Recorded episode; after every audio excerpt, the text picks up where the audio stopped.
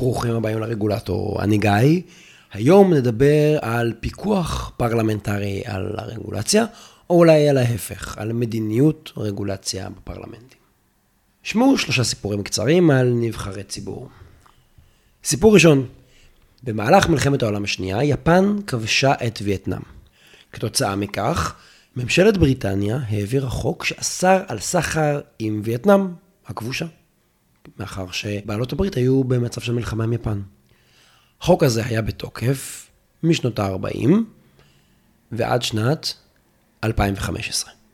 למרות שמלחמת העולם השנייה הסתיימה ב-1945, החוק הזה נשאר בתוקף עשרות שנים לאחר מכן. כמובן שבפועל הבריטים חזרו לסחור עם וייטנאם הרבה לפני שהחוק בוטל, והם פשוט פעלו בניגוד לחוק. אבל החוק הזה נשאר בתוקף. איך זה הגיוני בעצם? למה הם לא ביטלו את החוק הזה במשך תקופה כל כך ארוכה. סיפור שני. בשנת 2005, חבר הכנסת דני יתום הגיש הצעת חוק שנועדה לצמצם את תאונות הדרכים. לפי ההצעה, לנהגים צעירים יהיה אסור לנהוג בין השעות 2.5 ל-5.5 בלילה. הרעיון היה למנוע מצעירים לנהוג חזרה מבילוי כשהם שטויים ועייפים, וככה לצמצם את תאונות הדרכים. בהחלט היו כאן כוונות טובות. אבל הייתה בעיה רצינית עם הצעת החוק הזאת. רגולציה כזאת כבר נוסתה בעבר על ידי משרד התחבורה. והרגולציה הזאת פשוט נכשלה, ולכן היא בוטלה. למה? כי מסתבר שכשמשרד התחבורה אסר על נהגים צעירים לנהוג בלילה, הם לא הפסיקו לצאת ולבלות. אלא, הם פשוט האריכו את היציאה, את הבילוי שלהם, עד לאחר השעה חמש וחצי, ואז נהגו חזרה הביתה, כשהם עוד יותר שטויים ועוד יותר עייפים. זאת כמובן דוגמה נהדרת לרגולציה נוראית שהביאה לתוצאה ההפוכה. במקום לשפר את הבטיחות, יותר תאונות. במקום להניע נהגים צעירים מלנהוג בלילה, רק לגרום להם למשוך את היציאה ולחזור הביתה כשהם עייפים. אבל בואו נחזור לחבר הכנסת דני יתום, איך קורה שחבר כנסת רציני מגיש הצעה לחוקק רגולציה שרק לאחרונה נוסתה, נכשלה ובוטלה. וסיפור שלישי, על המאבק בקורונה. ביוני 2020 היינו בין הגל הראשון לגל השני של הקורונה, זוכרים? אבל ב-16 ליוני קרה משהו מאוד מוזר. שמתם לב? תאריך מאוד מיוחד, ה-16 ביוני. למשך יום אחד התבטלו כל ההוראות לגבי בידוד, לגבי חובת עטיית מסכות ולגבי האיסור על התקהלות. זה קרה בגלל שכל ההוראות האלה נקבעו בחודש מרץ במסגרת תקנות שעת חירום שהממשלה העבירה. והתקנות שעת חירום האלה נחתמו על ידי ראש הממשלה ב-16 למרץ 2020. ותקנות שעת חירום הן מוגבלות לתקופה של זמן. התקנות האלה נקבעו לתקופה של שלושה חודשים, כשהן מתבטלות אוטומטית אחרי שלושה חודשים. הסמכות להאריך את ההוראות האלה הייתה של הכנסת, אבל מאיזושהי סיבה, הכנסת אולי התעכבה או לא שמה לב, והם חידשו את התוקף שלהם רק ב-17 ליוני. ולכן ליום אחד, כל ההוראות האלה התבטלו, ואז נחקקו מחדש. אז מה משותף לרגולטורים ולחברי פרלמנט? לשניהם יש כוח לקבוע מדיניות, ושניהם בני אדם, ולכן הם לפעמים טועים. בפרק הקודם דיברנו על אה, כל מיני דרכים לשפר את ההליך הרגולטורי, ודיברנו בעיקר על לעשות את זה באמצעות בקרה, פנים ממשלתית או חוץ ממשלתית. בקרה שתסתכל על יישום העקרונות של מדיניות רגולציה. מה שלא דיברנו עליו, זה על מוסד מרכזי בתהליך הרגולטורי. הפרלמנט, בישראל זו הכנסת. ולכנסת יש תפקידים חשובים בעיצוב רגולציה ובעיצוב מדיניות בכלל. ראשית, וזה מאוד אינטואיטיבי, בכנסת נקבעים החוקים, שהם הבסיס לסמכות הרגולטורית, אלה כללי העל שלנו. וכעיקרון, אין רגולטור ממשלתי שפועל בלי חקיקה שמסמיכה אותו. תמיד יש חוק של הכנסת שמכוחו פועל הרגולטור. אבל התפקיד של הכנסת רחב יותר, חשוב יותר. כי מעבר לתפקיד החקיקתי של קביעת הנורמות, הכנסת גם מפקחת על פעילות הממשלה. למשל, תקנות שקובעות עונשי קנס צריכות לקבל אישור של הכנסת, וכמובן שהכנסת יכולה לפקח גם בשלב של קביעת יתר הכללים, וגם לבצע פיקוח בדיעבד על התוצאות. למשל, הכנסת יכולה לבדוק האם הכללים נאכפים, או מה התוצאה בדיעבד של הרגולציה. אז הכנסת היא גם רשות מחוקקת וגם רשות מפקחת. אלא שבמציאות זה לא ממש עובד. ואני לא מדבר פה כרגע על הכנסת, אני מדבר פה למעשה על פרלמנטים בעולם בכלל. אחד המאפיינים הכי חזקים של פרלמנטים הוא האפשרות של כל חבר פרלמנט לפעול באופן עצמאי כמייצג את הציבור שבחר בו. הפרלמנט מורכב בעיקר מחברי פרלמנט, אנשים שהציבור שלח אותם ישירות, אין להם מנהל שיכול לפטר אותם, ולכל חבר פרלמנט יש כמה עוזרים סביבו, זה משתנה ממדינה למדינה, בואו נגיד בין שניים לחמישה בדרך כלל. בישראל אגב שלושה, לא מספר גדול. ולכן הפרלמנט, כל פרלמנט, הוא ארגון לא היררכי, מבוזר וקצת כאוטי, כי בעצם כל חבר פרלמנט הוא בסך הכל גורם עצמאי. ובתלות בסיעה שאליה הוא משתייך, תלוי כמה גם משמעת יש עליו. אבל הפרלמנט הוא בהחלט ארגון לא היררכי וכאוטי, כשמשווים אותו לרשות המבצעת, שהיא ארגון הרבה יותר גדול, היררכי עם דרגות ומנהלים, והרבה יותר מאורגן. התכונות האלה של פרלמנטים יוצרות אצלו חולשה מובנית בהשוואה לממשלות. לממשלות יש הרבה יותר כוח אדם, שהוא כולל גם מומחים, מה שאין לפרלמנטים. ולכן אם פרלמנט רוצה לפקח על הממשלה בתחום רגולטור מסוים ולשאול את הממשלה שאלות קשות, אז לדיון יגיעו המומחים של הממשלה באותו תחום. למשל, מומחים מתחומי ההנדסה, התקציבים, הרפואה וכולי. אבל בפרלמנט לא עובדים מומחים כאלה. לפרלמנט אין אגף רוקחות, ואין לו מנהל תקינה שיושב בו מהנדסים. אז איך הפרלמנט אמור לפקח על המומחים אם אין לו מומחים? הוא בעצם צריך להסתמך על המומחים של הממשלה שעליה הוא מפקח. חוץ מזה, לפרלמנט יש עוד כמה אתגרים, למשל, בפרלמנט יש תחלופה מהירה של כוח אדם, בעצם בכל פעם שיש בחירות, בעוד שבממשלה יש הרבה יותר רציפות והמשכיות של כוח אדם. עובד ממוצע בממשלה עובד יותר זמן מחבר פרלמנט או מיועץ של חבר פרלמנט. בנוסף, הפרלמנט לא מתנהל באמת כגוף אחד, זה המאפיין הכאוטי שלו. לכל אחד ממאות חברי הפרלמנט יש אוטונומיה. וזה קיים כמעט בכל פרלמנט, לא משנה אם זה הפרלמנט הישראלי עם 120 חברי כנסת, או פרלמנטים גדולים יותר כמו בבריטניה או בארצות הברית. כמובן שזאת לא אוטונומיה מוחלטת, ויש השתייכות לסיעות ולקואליציה ואופוזיציה וקשר לבוחר, אבל לחברי כנסת אין תוכנית עבודה מסודרת. הם לא מקבלים הוראות ממנהל. אין להם יעדים, ומצד שני הם גם לא מקבלים כלים ניהוליים. זה מאוד מאוד בולט כשמשווים את הפרלמנט לממשלה באותה מדינה. כל הפערים האלה התעצמו מאוד ב-40 השנים האחרונות, כשממשלות מסביב לעולם עברו מהפכה ניהולית. ממשלות התחילו לנהל את עצמן יותר טוב. הם אימצו נורמות של תוכניות עבודה, כלי בקרה, איסוף נתונים, דיגיטציה, מערכות מידע, להעסיק מומחים, להעסיק יועצים מבחוץ, עברו שינויים ארגוניים, וגם אימצו מדיניות רגולציה. אם זה הפרק הראשון שאתם שומעים של הפודקאסט, אז אני אגיד רק שמדיניות רגולציה היא עולם תוכן שעוסק בניהול ושיפור הרגולציה.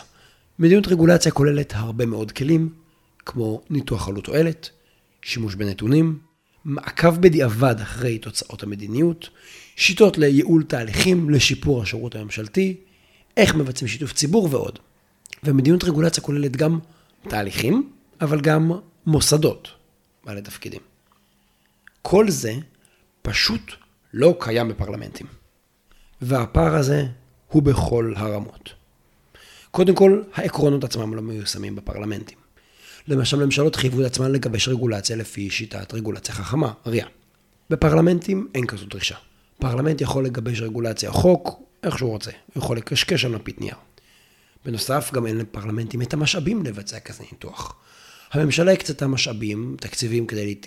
להתקשר עם חברות ייעוץ ועם מומחים חיצוניים, וגם מינתה, הקימה ומינתה יחידות מדיניות רגולציה, כדי שיהיו מומחי תהליך, לניהול סיכונים, לשיתוף ציבור, דברים כאלה. לפרלמנט אין אותם.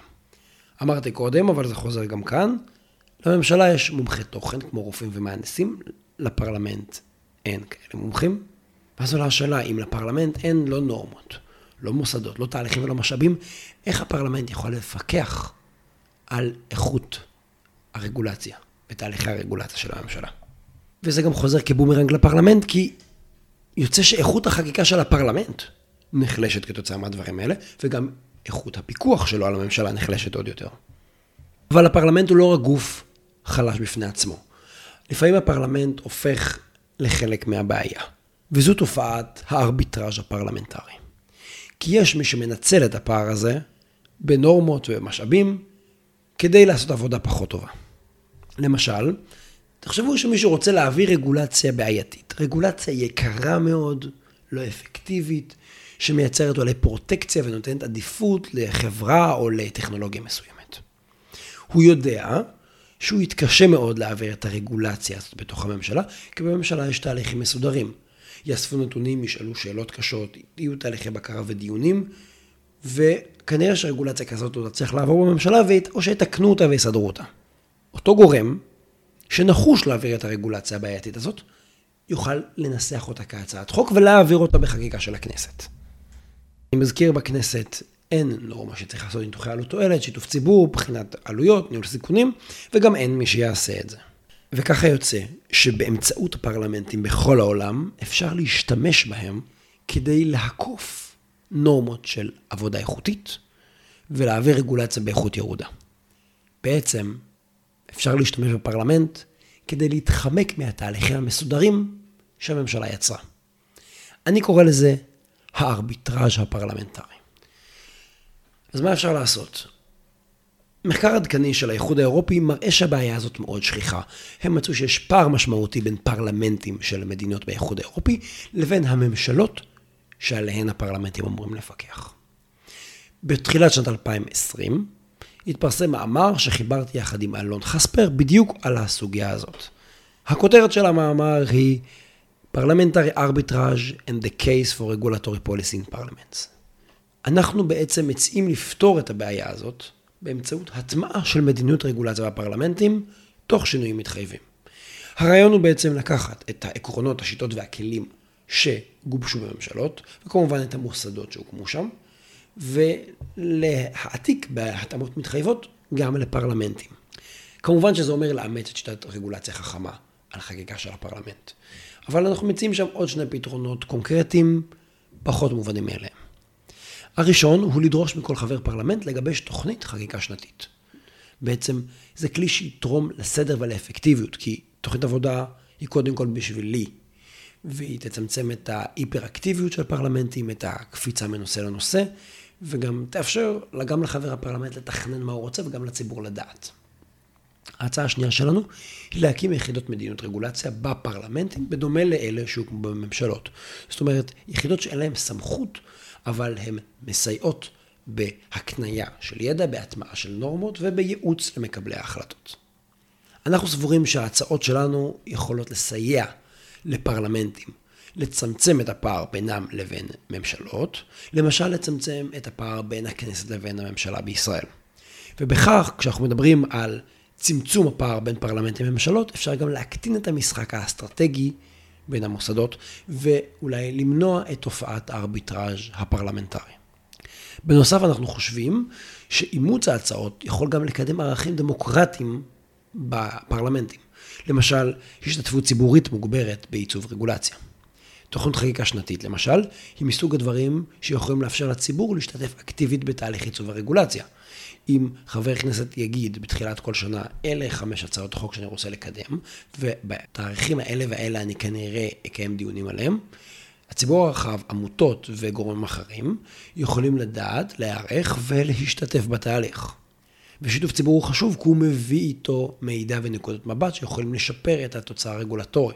אבל לא פחות חשוב מזה, יש פה גם ערך דמוקרטי בעצם זה שהציבור נשמע בתוך התהליך, בוודאי בבית הנבחרים. רגולציה טובה ודמוקרטיה הם לא דברים שסותרים אחד את השני.